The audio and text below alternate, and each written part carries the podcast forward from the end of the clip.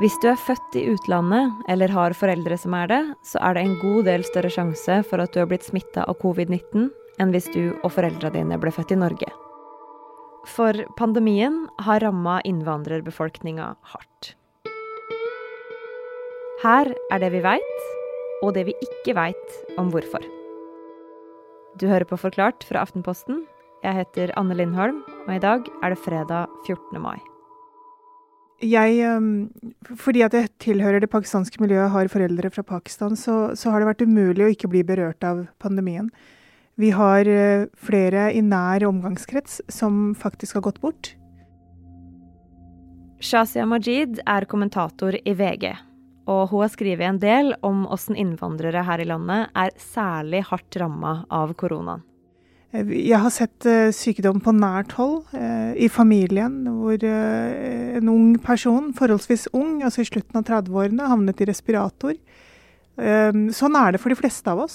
Så denne pandemien treffer norskpakistanere på en helt annen måte, fordi de færreste i befolkningen har noen som har dødd av covid-19, eller har blitt så alvorlig syke da. Men for pakistanere har det nesten blitt eh, normalt, og det er jo helt forferdelig. Alle de Shazia kjenner som har blitt syke, havner også som tall i helsemyndighetenes koronastatistikk.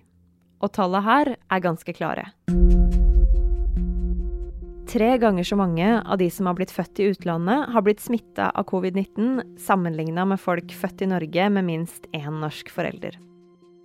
Men det er også stor forskjell på hvilket land folk er født i, ikke minst når det er snakk om innleggelser.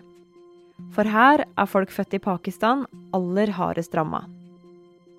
Irak, Somalia og Tyrkia ligger også høyt på den lista. Og helsemyndighetene tror også at det er en del smitte i den gruppa som ikke har blitt oppdaga. Det vi vet er at Innvandrerbefolkningen er overrepresentert både når det gjelder hvem som smittes og hvem som blir innlagt på sykehus. Hovedhensikten med å få svar på hvorfor det er slik, er jo å redde liv. Og det, det, handler eh, ikke om å finne syndebukker, for det har også vært en del av diskusjonen. Men her handler det rett og slett om eh, å få ha minst mulig folk da på sykehuset og minst mulig smitte, fordi at det er så kostbart for de individene det rammer, de familiene det rammer, men også for samfunnet i, i helhet. Men er de tallene på smitte blant innvandrere som vi ser hos oss, er det spesielt for Norge? Det er jo ikke bare i Norge at etniske minoriteter er hardest rammet. Det har vi sett i England, det har vi sett i USA, egentlig alle vestlige land vi kan sammenligne oss med. Another victim from an ethnic minority. Egentlig veldig tidlig i pandemien i fjor sommer begynte man å, å, se på dette her, studere det, forske på det, fordi at det var så påfallende. Og skjevheten var så enorm, i særlig land, klassedelte land som England og USA. Og der ser man at eh, sosiale ulikheter, fattigdom, hva slags yrker man har, fysisk krevende arbeid, dårlig betalt arbeid, eh, dårligere tilgang til helse, dårligere utdannelse. Alle disse tingene var med på å forklare store deler av eh, hvorfor etniske minoriteter var så hardt rammet.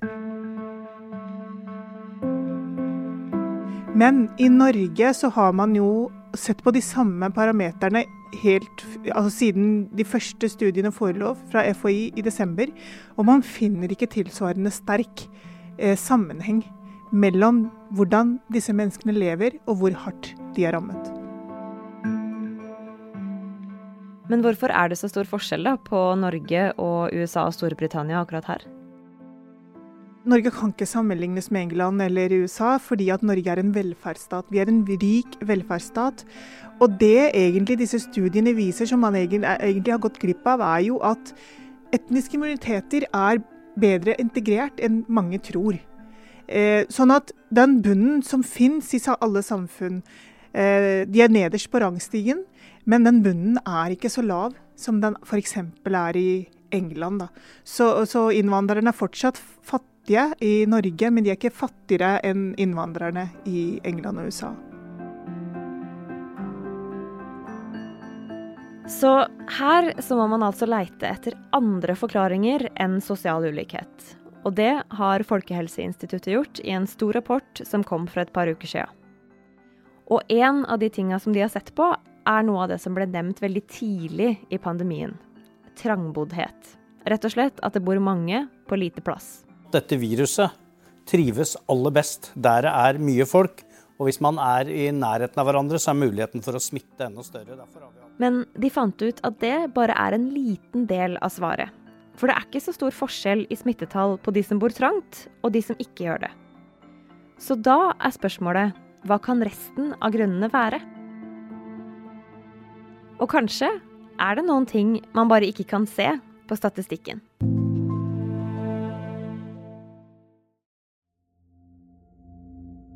At folk med etnisk minoritetsbakgrunn i Norge bor trangt, er bare en liten del av forklaringa på hvorfor pandemien har ramma innvandrermiljøene hardt.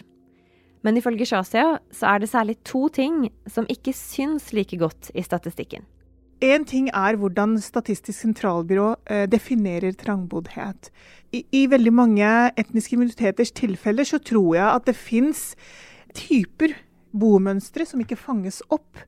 F.eks. dette her med at 40 eh, av eh, pakistanske nordmenn over 64 år bor sammen med storfamilien sin, hvor besteforeldre og barnebarn bor sammen. Og det kan godt hende at de har nok kvadratmeter per hode, og dermed ikke blir fanget opp av disse beregningene.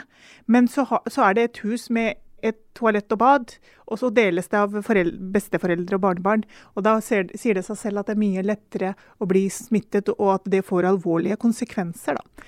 En annen ting som også heller ikke fanges opp, er at man har eh, storfamilier eh, som bor i samme blokk blokka. Altså samme oppgang, liksom? Samme oppgang, eh, hvor, hvor, familiene har flere leiligheter. Sånn at de går til og fra hverandre i sokkelesten. Eller så bor de veldig i nærheten. Det er jo veldig vanlig blant pakistanere. Så det, det med trangboddhet handler jo egentlig om hvor mange kommer du i kontakt med. Hvor mange kan du smitte, selv om du holder deg til din egen familie. Pakistanere har store familier. Altså, altså de holder tettere sammen, da. Så det kan være litt mer av forklaringa. Men det er en annen grunn som ofte har blitt nevnt til at folk med innvandrerbakgrunn ligger høyt på smittestatistikken, nemlig jobb. For innvandrere er overrepresentert i mange jobber hvor man møter mye folk, eller hvor man ikke kan ha hjemmekontor. Sånn som f.eks. taxi- eller bussjåfører, eller i helse- og omsorgsyrker. Men Yrket er ikke en stor forklaring på smitte blant folk med innvandrerbakgrunn det man, eh, det man, har sett i andre land, er jo at Og, og det er også logisk at yrket, og, og særlig yrker med go, veldig mye kontakt med andre mennesker, vil eh, føre til eh, mer fare for smitte. Og, og, det gjør det jo også, men det forklarer, det forklarer, ikke hele den overrepresentasjonen som vi ser. Men er det noen ting som ikke syns i statistikken her? Det vi ikke ser i statistikken, og som FHI ikke har sett på, det er eh, private næringsdrivende. Og veldig mange med innvandrerbakgrunn driver privat eh, næring, slik som butikker. Eh, vaskehaller, altså den type jobber som har uttalt menneskekontakt. Så noe av forklaringen kan ligge der, vi vet ikke det ennå. Så trangboddhet og hvilke jobber man har, ser ikke ut til å kunne forklare veldig mye av forskjellen i smitte. I hvert fall ikke med de tallene som FHI har nå. Sjøl om du tar med andre faktorer for sosial ulikhet, sånn som utdanningsnivå og husholdningsinntekt, så forklarer det samla sett heller ikke hele forskjellen. Så hva er det da?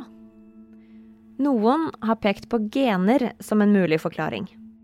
Når det gjelder eh, genetisk sårbarhet, så er det blitt mer og mer diskusjon eh, rundt det i fagmiljøene. Men eh, eh forskningen der er delt. Så man har liksom litt motstridende eh, funn i denne saken. Men eh, de som mener at genetikk er viktig, der handler det om innleggelser. Altså når særlig pakistanske nordmenn, eller sørasiatiske eh, nordmenn, altså Pakistan, India, eh, blir smittet, så blir de bare så mye, mye dårligere enn veldig mange andre. Og det sies at det handler om en genetisk predisposisjon. Hvor mye det har å si, er jeg vil ikke si det er omstridt, men man vet ikke helt 100% sikkert. Nå så jeg at FHI har kommet med ny eh, kronikk hvor de sier at de er selvfølgelig opptatt av det. Det som er viktig å understreke, er at det vi ser i Norge, nøyaktig det samme ser vi i England. Hvor eh, pakistanske briter er voldsomt overrepresentert i akkurat de samme statistikkene som vi ser her. Og Det er grunnen til at man har begynt å se på om det kan være noen genetisk predisposisjon. Så mye av forskningen har foregått i de landene, f.eks. England, hvor man har forsøkt å se på om, om gener har eh, eh, en betydning. Så det veit vi ikke enda, men det aleine er nok heller ikke hele forklaringa. En av de andre mulige forklaringene som det ble snakka om allerede i fjor sommer, det var informasjon om regler og tiltak fra myndighetene. Informasjon om koronatiltak når ikke frem til norske minoritetsgrupper. Norge svikter en stor del av minoritetsgrupper. Man har etter hvert blitt kjempeflinke med, med å oversette og bruke frivillige organisasjoner, innvandrerorganisasjoner, til å nå ut med informasjon. Utfordringen har vært at i veldig mange innvandrergrupper så, man, så, får man informasjon fra norske myndigheter, og så får man informasjon via WhatsApp-grupper og sosiale medier fra opprinnelseslandet.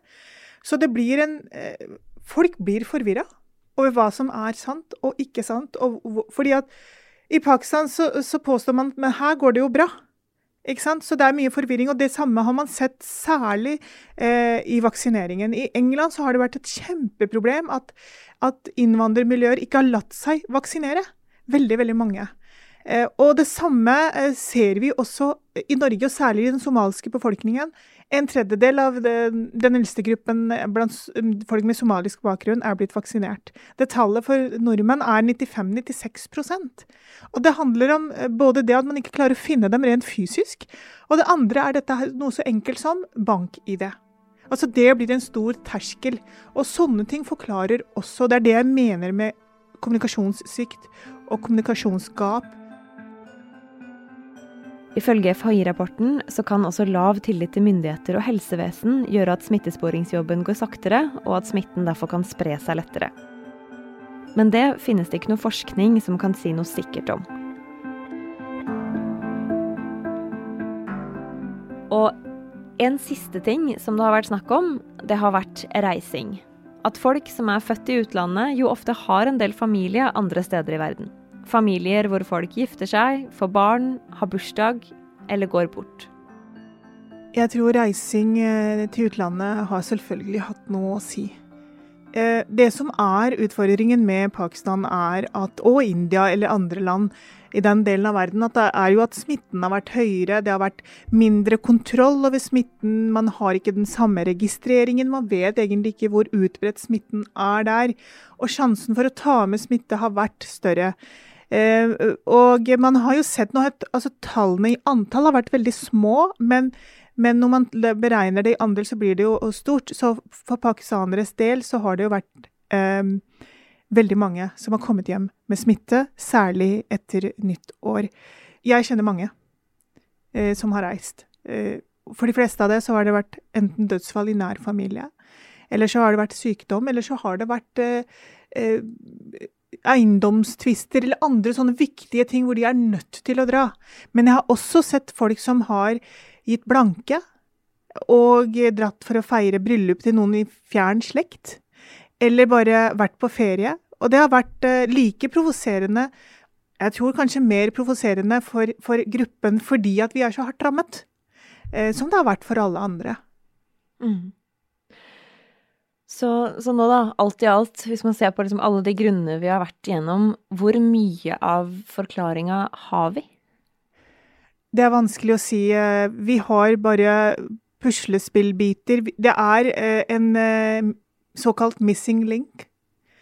En ukjent variabel her vi ikke klarer å måle. Og jeg tror ikke man kan finne ett svar med to streker under. Jeg tror, sånn som FHI, at dette er veldig veldig sammensatt, og det er veldig mange små ting som forklarer bitte litt hele veien. Du sa det fortsatt er en missing link her, eh, og den er, kan ikke forklares alene med trangboddhet, eller med kontaktyrker, eller med reising, eller med informasjon. Når får vi det svaret? Den som finner uh, the missing link, um, den vil bidra til å redde så uh, mange liv? Altså det, det, er det store spørsmålet i denne pandemien, særlig i eh, vestlige land vi, kan, vi, liker å sammenligne oss med. Hadde vi klart å finne det svaret, så hadde vi klart å redusere smitten, og vi kunne åpnet samfunnet fortere. Dette rammer så nært. Det er, det er ikke noe fjernt og flytende for meg. Dette her er noe jeg våkner og legger meg til og våkner til. Liksom, hvem blir nestemann? Jeg har en uh, ung søster som også er i risikogruppe, og da tilhøre et miljø hvor det er så stor smitte. Det, hun har vært uh, livredd i ett år. Nå har hun fått to doser, og jeg har fått tilbake søstera mi. Jeg tror ikke Fordi at vi har vært så forskånet da, i Norge, så tror jeg ikke folk forstår hvor hardt eh, særlig den pakistansk-norske befolkningen rammet, eller innvandrerbefolkningen rammet. Det er vanskelig å ta inn over seg. Så derfor er det så viktig å finne det svaret.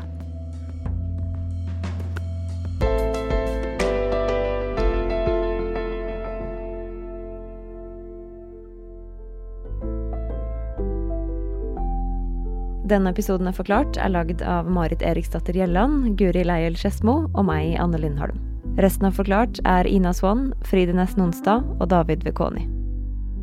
Du hørte lyd fra NRK, BBC og CNN.